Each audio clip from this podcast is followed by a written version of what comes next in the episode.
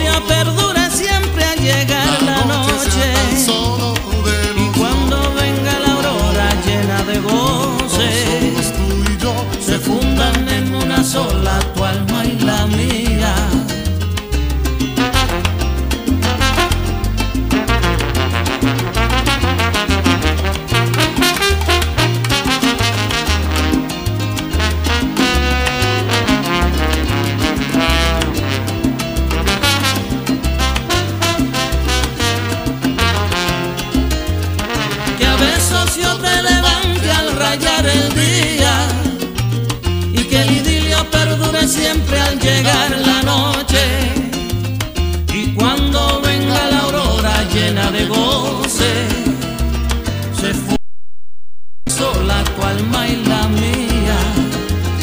Que a veces yo te levante al rayar el día.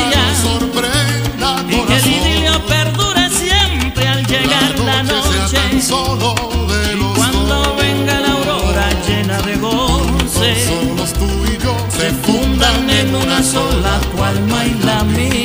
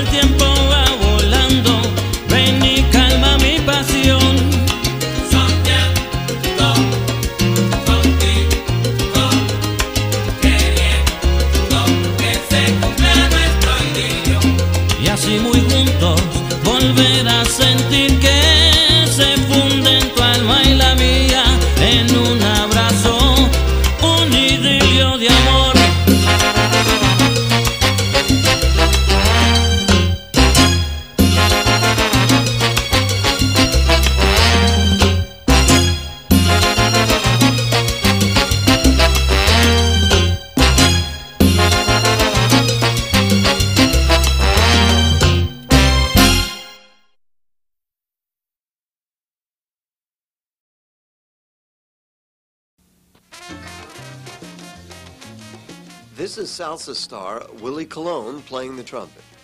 And this is Willie Colon singing. And this is Willie Colon on trombone. And this is also Willie Colon helping then Mayor Dinkins restore peace to a Washington Heights neighborhood in turmoil.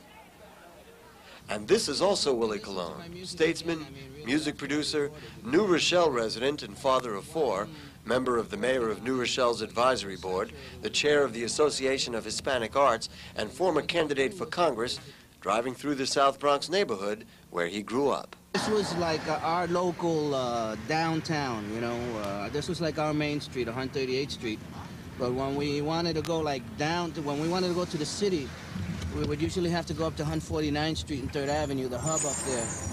And that's where like all of the big movie houses, the RKOs and the Loews and, and uh, Nedick's and all of the department stores were, were at. I, I lived at this house here, 695, for about 10 years. It's the only one left uh, on the block. I, you know. In the 50s, it was uh, really different. Uh, the, the the makeup of the the uh, the neighborhoods was more mixed.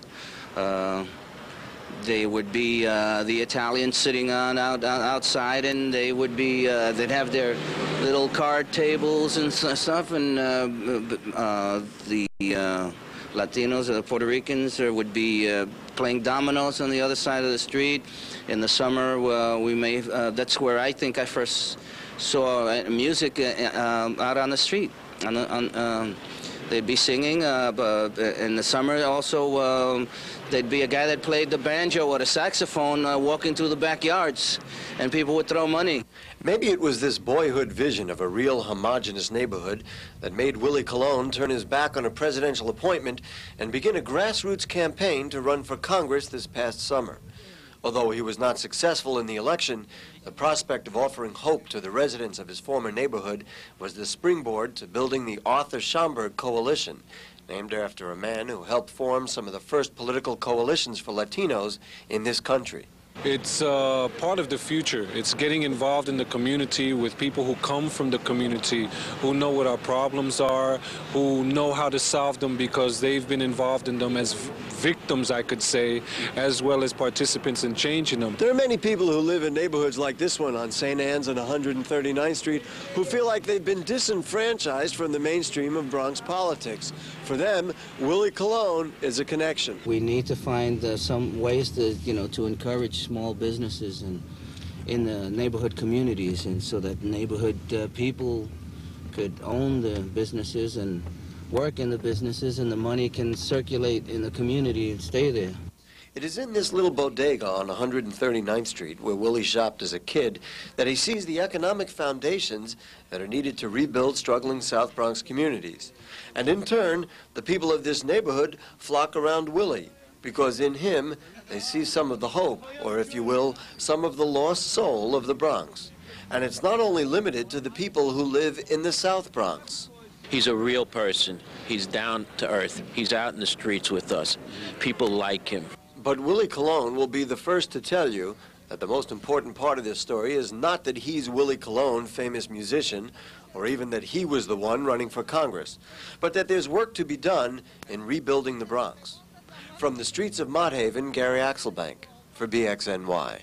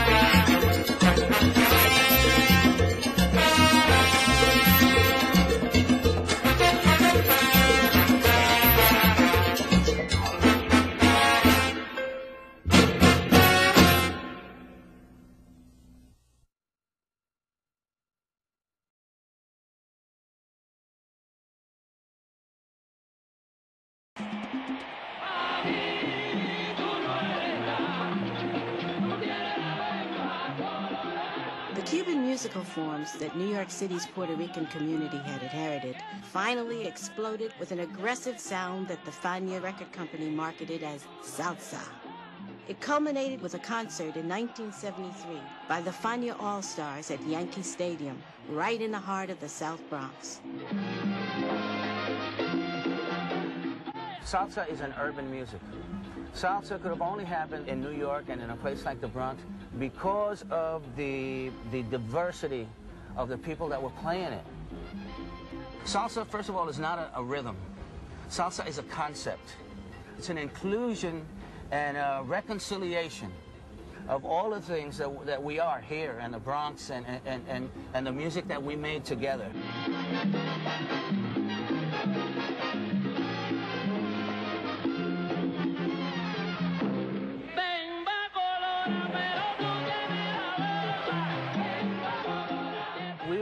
Only wanted to make music, we had a goal. We wanted to convey a social and political message. And salsa was very important for that because it was our voice.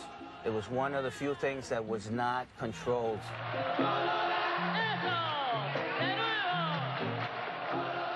Over 40,000 screaming fans attended the event. The majority of the musicians on stage that night grew up or lived within a few dozen blocks of the stadium.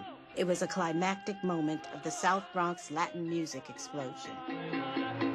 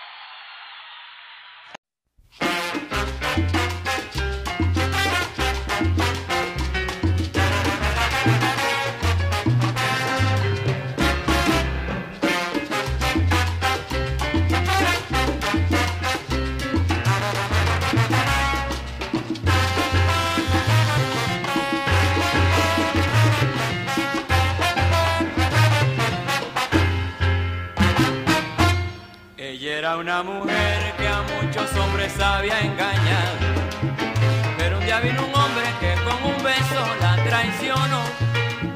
Y ese hombre nunca había querido.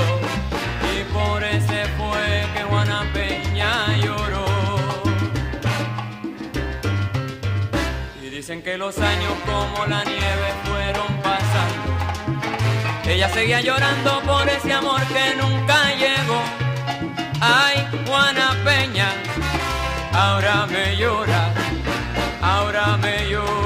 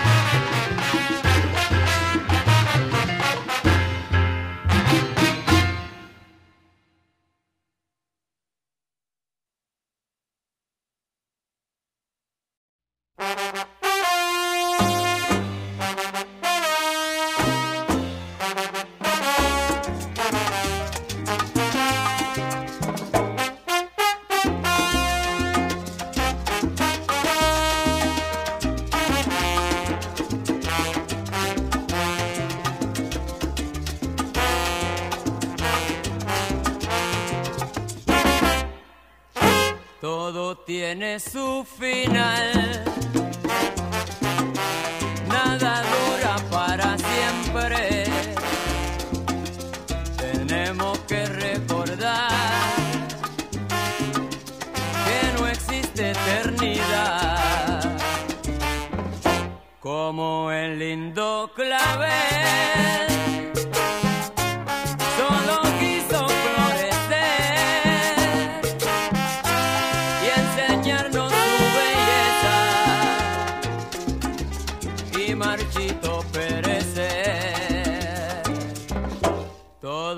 tiene su final. Nada dura para siempre. Tenemos que recordar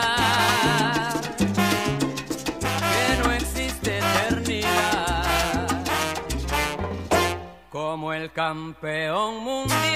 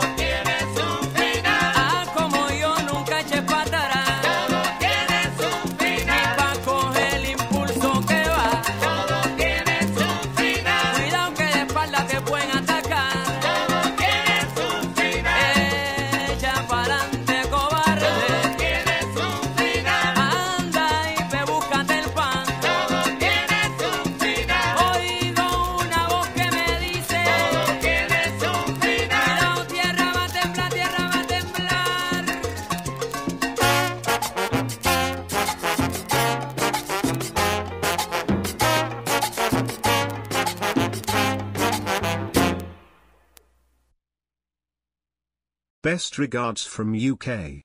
Welcome to your favorite radio. Welcome to Radio Primera. He was a Nuyorican kid with a trombone and a determination to make it big. 30 million records later, he's a salsa legend, the one and only Willie Colon. I'm Maria Hinojosa. This is One on One.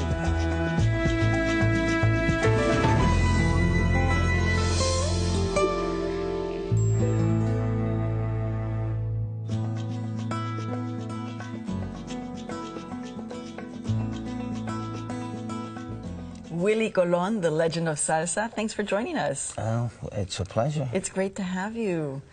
So, you know, what's interesting is that I was preparing for this interview, and so in New York, I was flipping through the radio dial, and I was like, "Ah, I can't find salsa playing on the radio in New York City. Yeah, it's uh, sad but true. Yeah. I mean, there was a heyday of salsa. It was everything about New York City, and yet, I mean, is is it gone? Well, I'd say in, in the States it's really been reduced. Uh, uh, now, uh, most of our work lately has been like throughout, you know, international. Japan. Japan, um, in South America, even Mexico. I go to Mexico maybe eight times a year. And you're like huge. Everybody's yeah. Diego Willie Colon. Yeah, we play El Zocalo and, uh, you know, really big things. Uh, and it's, it's going strong there. I mean, in Colombia, you'll have 10 radio stations playing salsa 24-7. Like real, real salsa. Real, real salsa, the old-time stuff. Um, I think that with anything that is like commercially successful, you know, the, the, what happens is it, you, uh, it has to be, the corporations have to reduce it into some kind of formula, and, and uh, it loses a lot. I think that's uh, why the people have lost interest in it because uh, the corporation, corporations tend to want the very conservative, and two, they want a, something that's very dependable. So you know, they would go by "Don't kill a winning formula," and I think that the spark that really made salsa what it was was the competition, and you know, the the music always uh, trying to evolve. There was always there, there was a social message in, in, in salsa. It was like a well, platform. was it? Well, I wonder about that because I was thinking about the fact that in the late 70s, early 80s, when I was in New York, um, and your, you know, the phenomenal album Siembra, and everybody would listen to that album, and I thought, but this is such a political album. How was, how were Willie Colon and Ruben Blades able to do such a political album with a music that was commercially successful? Making the record wasn't about, hey, we're going to have a big seller. We knew what we wanted to say, and uh, the, the the other part was there already. I, I, I think that uh, you know, especially in New York, uh, what we call salsa had a, had a lot of political roots, underpinnings. I mean, it, it, it was evolving at the same time. I remember we'll, we'll, be having the jam sessions out on the street, and on the tube, you know, uh, uh, Martin Luther King is, you know, marching into Selma. You know, we we we felt we were part of that, and in a way we were because uh, when we would have our jam sessions and the police would come, you know, and for a, a illegal assembly, you know, wh wh when did the uh, Jim Crow laws officially end? In '64, something like that, you know. Um, so you were getting, wait a second, so you're playing on the streets of the Bronx, yeah, we're hanging playing, out yeah. with your congas, y que Yeah. yo, and you're saying the police would come and say, we're taking you in? Yeah, you or- take, yep, no, they'd stop. You know, this is uh, uh, dis disturbing the peace, illegal assembly, blah, blah, blah. And okay, we'd stop and, you know, they'd leave and we'd start again. And when they come back, they'd be a little PO'd, you know, and they'd say, well, okay, well, now we're taking one of your drums, you know. You're kidding? Yeah. And then the next time, and now I'm going to bang one of you guys on the head. And we just kept going back. So, you know, the, the music was kind of like a form of civil disobedience to, to a certain extent. Uh, we were spread out all over the city also, and, uh, you know, pretty isolated. Uh, and the dances were also like meetings, you know, where, where you see like, boom, you, you see all of these Latinos.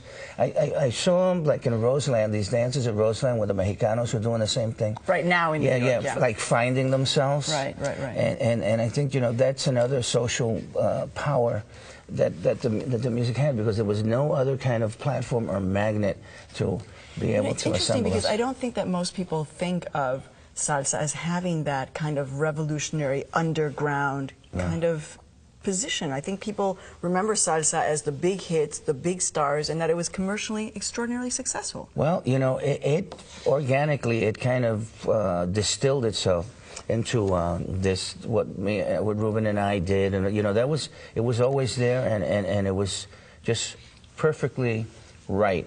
You know, we had the right vocabulary, and we had the right kind of complaints to throw into it, and, and, and you know, it all just made so much sense. So when you were, how did the politics get involved in the music? And where did your concientización, your kind of political awareness my, my come from? concientización comes from my, my uh, grandmother, my, well, all of my grandparents came over in the 20s, okay? So my parents were born here, and I was born here, but still, you know, we were still illegal immigrants as far as even you though know, you were Puerto yeah, right, we were with Puerto American Ricans, citizenship. We were American citizens since Right. 1917. Right. But you know that didn't mean anything. Half of them, the the guys, the cops and stuff, they didn't know where Puerto Rico is, and they didn't care. Um, we would, uh, you know, what they used to tell us is, "Hey, you're just a different kind of, and uh, you know, The N word. the N word," and uh, you know, and, and that we we started to identify a lot with the African American community. I mean, and early on, we were we were doing Latin music in English and boogaloo. We'd be doing boogaloo, and it was you know because there was just. I remember when I was a kid, I used to have to go to school through the backyards with a with a group. You know, we used to have to go to the backyards because we couldn't walk down the streets without getting beat up. And it was it was me, a couple of black kids, a couple of other Latinos, and you know, and and, that's the way it was then. You know. So, so this this idea of what you were doing when you were bringing, and I, and I love the way that you say that that like your your memory of music is Rafael Hernandez with James Brown, James Brown, James Bond, and uh, you know a little bit of Carlos Gardel. I mean, it was you brought together this whole other kind of radical aspect into this music of salsa, Yeah. right? But one of the other things that you were doing that was very controversial was changing rhythms and beats. Yeah. You, what is it called? Reversing the clave. Reversing the clave. So a clave, because there might be a lot of people who are watching this who don't know what the clave is. So what is the clave? A clave is a two-bar phrase, and uh, it's it's either three-two or two-three. It's either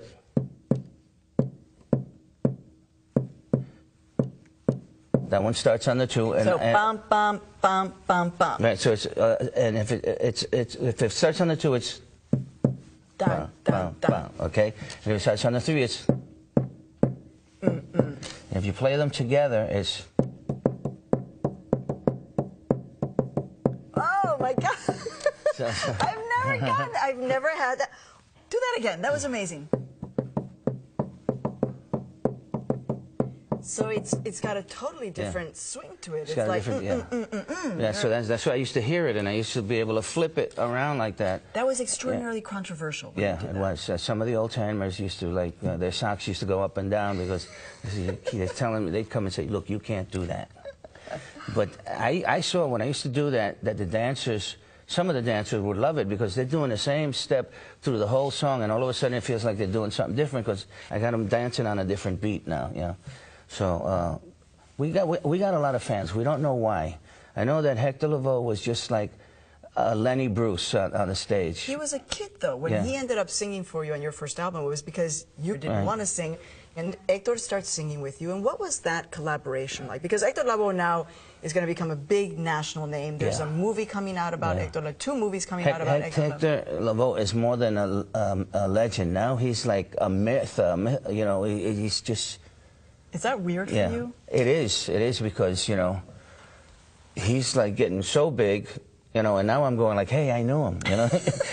you know, how about me, you know, and and uh, you know, he's he's not gonna get old. He's gonna always gonna be the same age, and you know, I'm, I'm you know, I'm getting old.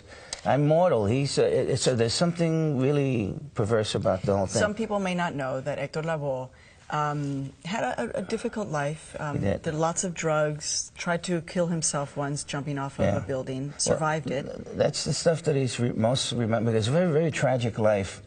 But um, the, the thing is, that when he first came over, he was just like a sweet, clean-cut country boy. You know, a, a peasant incredible boy. You know, voice. with incredible voice, a great sense of humor, very, very intelligent, very funny. Uh, and you, you don't see, you don't see. Nobody has been able to really bring that out and tell that story about Hector. I hope that that Because happens someday. part of what happened with Hector was that he got sick, he got AIDS. he died of AIDS. And then you started working with Ruben Blades. Right. Um, and you and Ruben have had some reunions, but right now things are not good between you and Ruben Blades. And I'm sure that anyone who's watching this, their heart is breaking. How can Yeah. it be that Willie Colon and Ruben Blades are not Well, you know, it, it uh, comes down to uh, respect and money and stuff like that, and uh, you know, money spoils things. But isn't that just um, incredibly sad when you're looking at the fact that you've got this musical movement that both of you were a part of, that people want to hold on to? I mean, right now, when you do, you're not performing a lot, but when you do perform in Mexico and in those places, um, huge audience response, right? People are hungry for this Yeah. because what's that hunger about? Um, the hunger is uh, there's a universal message, and I think that the music itself is like a reconciliation of of uh, so many things. It's it's the reconciliation of the past and the present. It's a reconciliation of the three roots of the the Asian or the indigenous roots and the African roots and the European. Uh, all of these things. Uh, uh, together. I mean, it, it just makes so much sense. I mean, it, it, it's weird that, you know, we've played in, uh, we, we can play in Mexico, where the people, you know, it's it's not a really tropical town or whatever, and after a while, it just takes them a little while to to understand it. I'm telling you, at the first couple of songs, they're like, "What is this?" And by the end of the thing, they, yeah, I get it, and they're they're, all- they're, they're into it.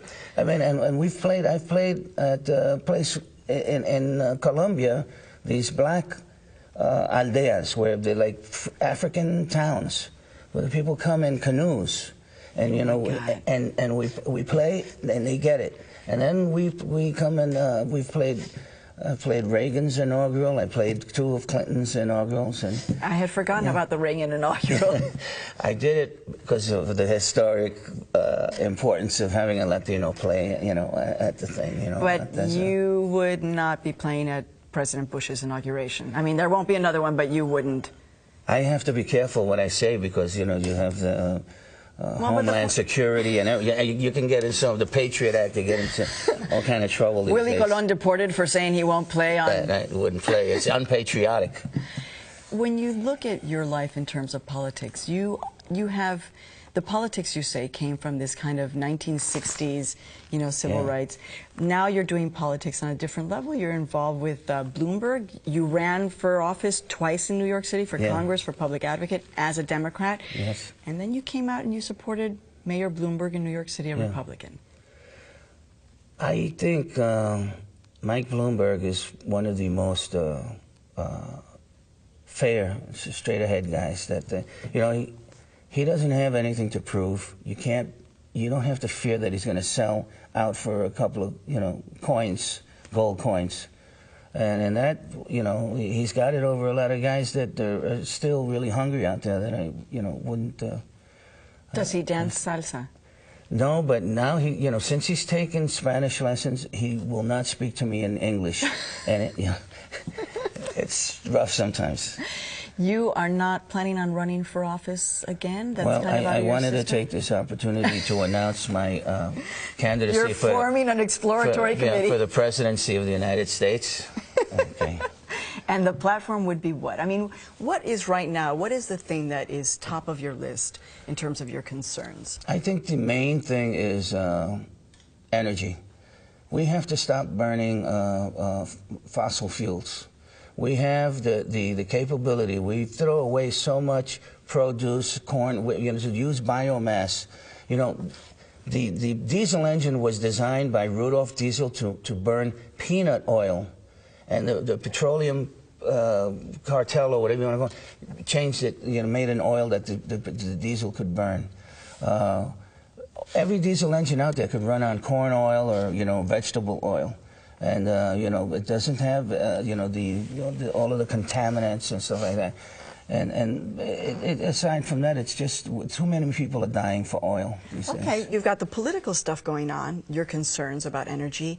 At the same time, you've got this kind of, I don't know if would you call it a resurgence of, of salsa in places. You've got the Fania um, label that is now re-recording, digitizing all of the songs that had basically been locked in some faraway warehouse closet in New York City for years. So will salsa come back? Can it come back? If, when you say that it's more than just a beat, it's a concept?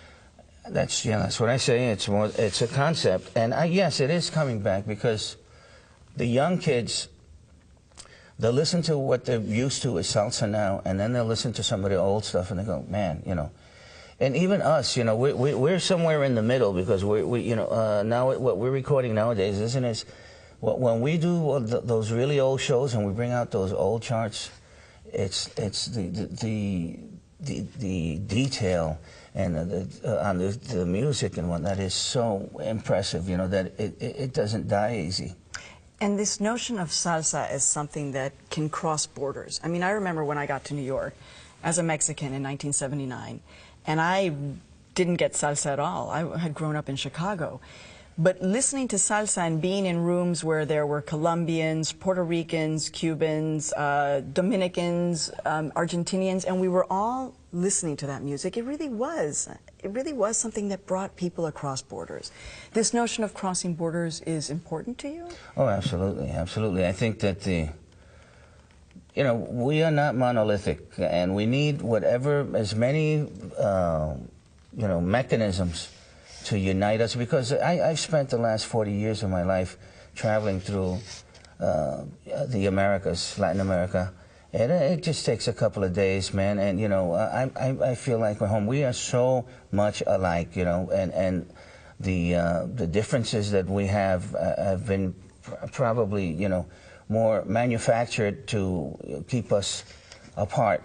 And, and I think that the, the, the fate of all of Latin America depends very much on what we, the Latinos here in the States, do, how we conduct ourselves, and and uh, and I think that the, the music is a good uh, uh, instrument to. Do you think that unity is happening? Do you see it happening when you? Yeah, it is. You know, it, it it's got its little bumps and bruises. You know, people have to all, uh, you know. Uh, you know, for the better good, it's hard to understand that, but you know, when it works on on your behalf, then then you you're able to understand it. Like what what happened with the with the marches and stuff like that. When people that you're talking uh, about the immigrant rights immigrant marches, right mar marches, right? Uh, you know, and I, I don't want to repeat what uh, uh, let's say what.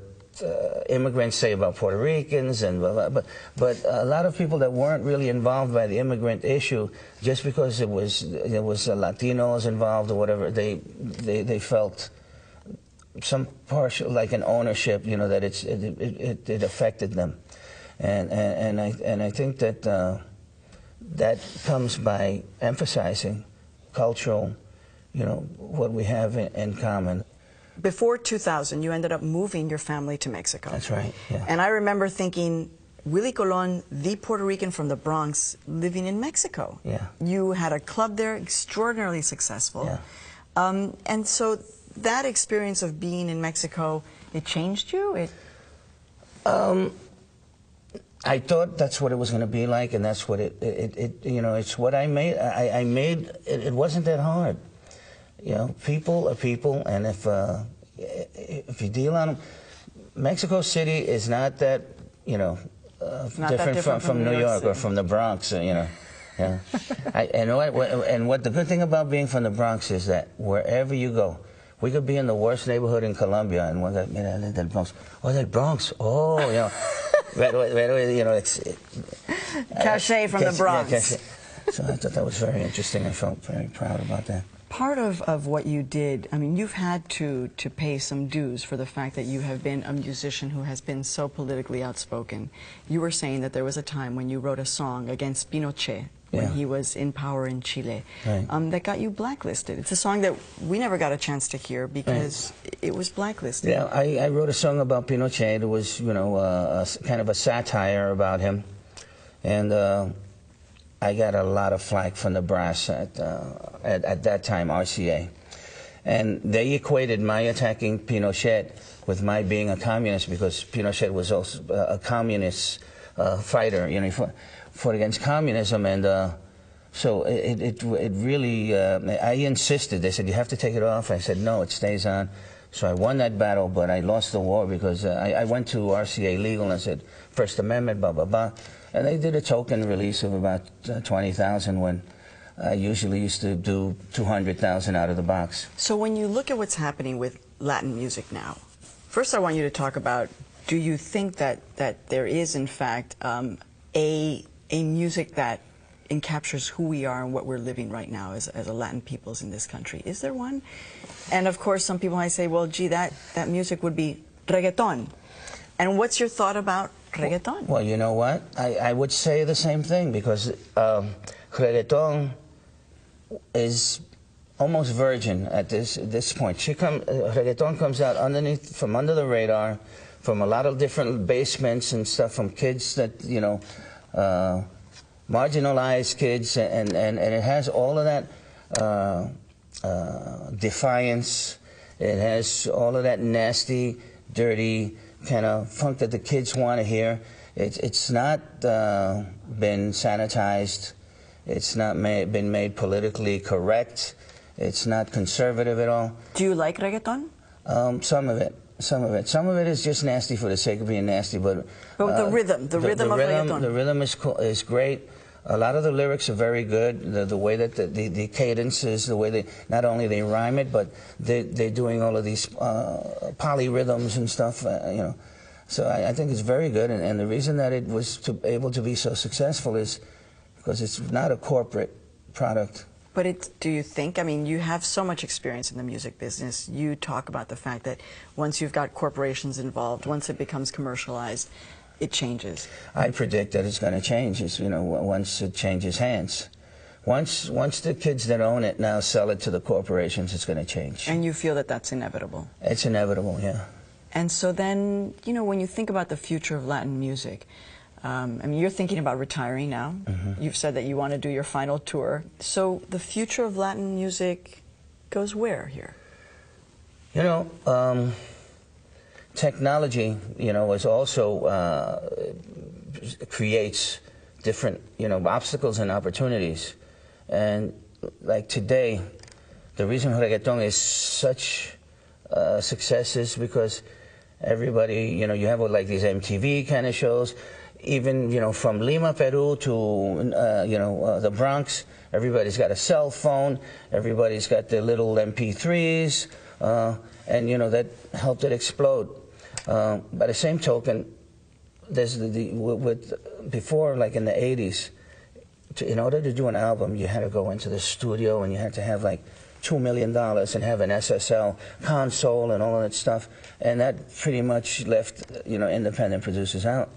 But now uh, with a with a Macintosh and you know, you can you can do. So are you hopeful when you look at what's happening, for example, in New York City, the heart of salsa, of the salsa movement, where you had your base? Yeah. Are you hopeful when you look at what's? Well, I happen to know that there's a lot of uh, records being made in the basements uh, out there now.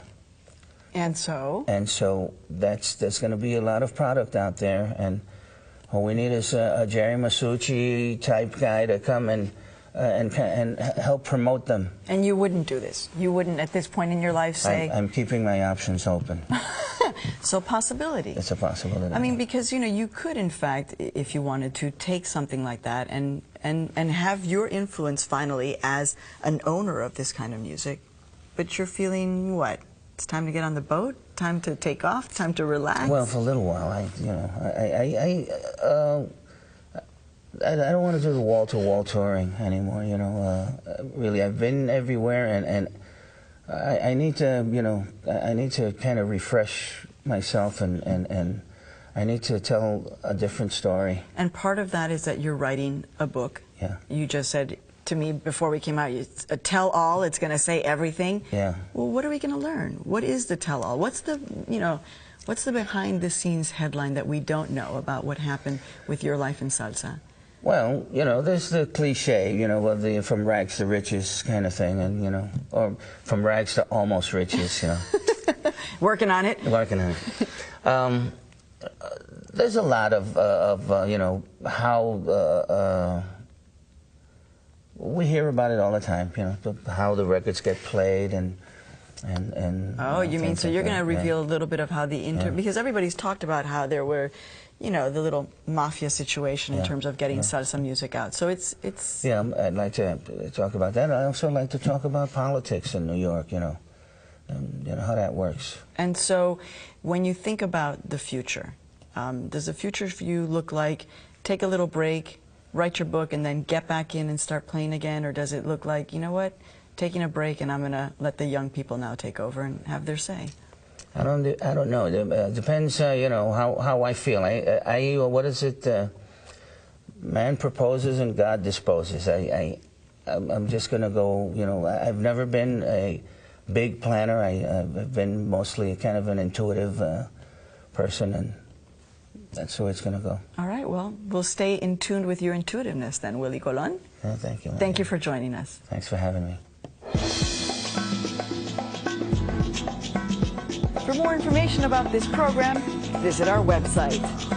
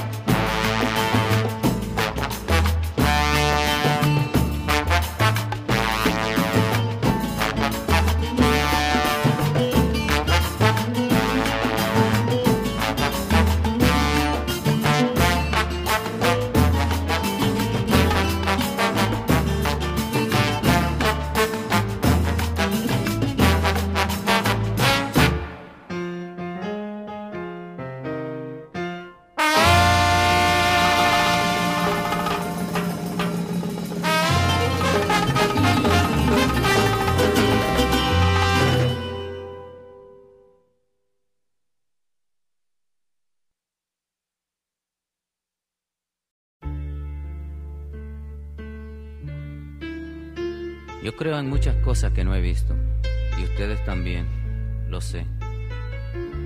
No se puede negar la existencia de algo palpado, por más etéreo que sea.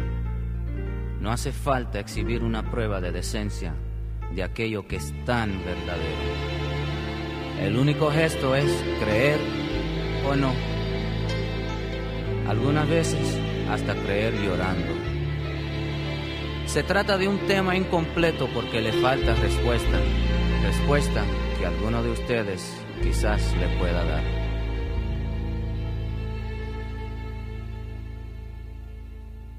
Es un tema en Technicolor para hacer algo útil del amor.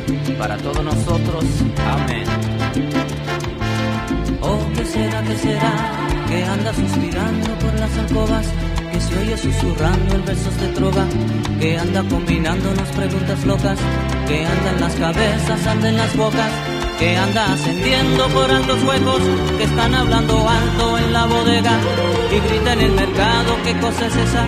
es la naturaleza, será que será, que no tiene certeza y nunca te da, que no tiene concepto y nunca tendrá, que no tiene tamaño. ¿O qué será, qué será, que viven las ideas de esos amantes, que cantan los poetas más delirantes y juran los profetas emborrachados? Está en la romería de los mutilados, está en la fantasía de los infelices, está en el día a día de las meretrices y todos los bandidos y desvalidos en todos sus sentidos. ¿Será que será que no tiene decencia y nunca tendrá? Que no tiene censura y nunca tendrá, ni le falta sentido. Será que será que ningún aviso podrá evitar?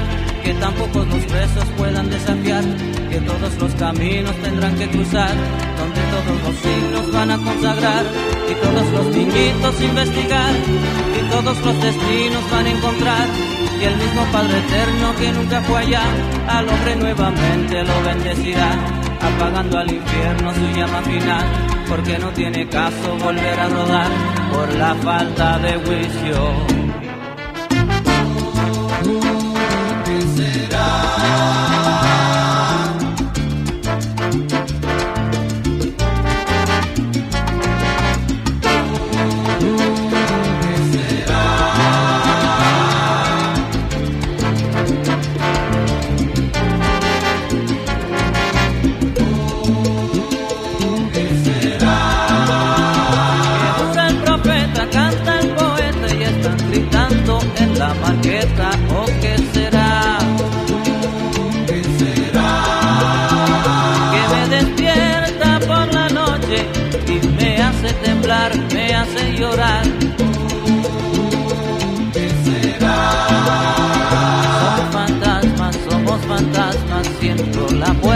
tocar tres veces o quien sea.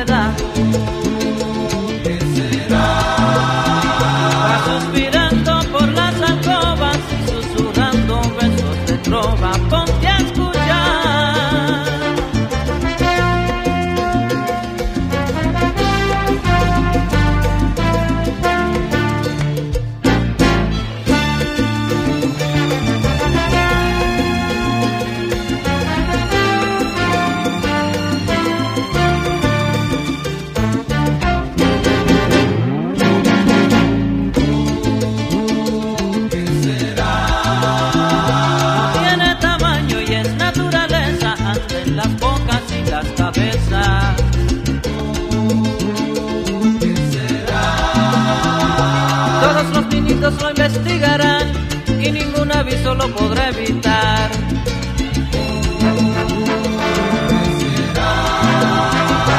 Esto la campana repicará y el que está dormido despertará.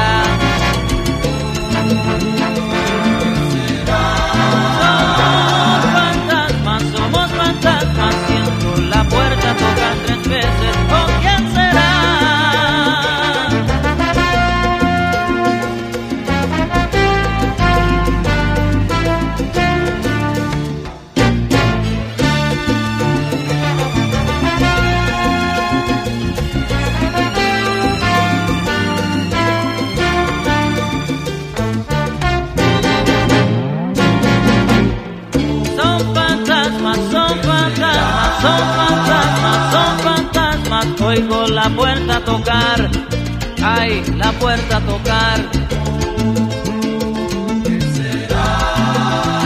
Lo vive el bandido, el desvalido, las meretrices, los infelices, el reverendo y el bombero, el presidente, el zapatero y las maestras, el carnicero, la ciudadana, el extranjero, también el juez y el farandulero, la enfermera, el tribunero, y el marxista, el bodeguero y el masoquista. ¿Con qué será?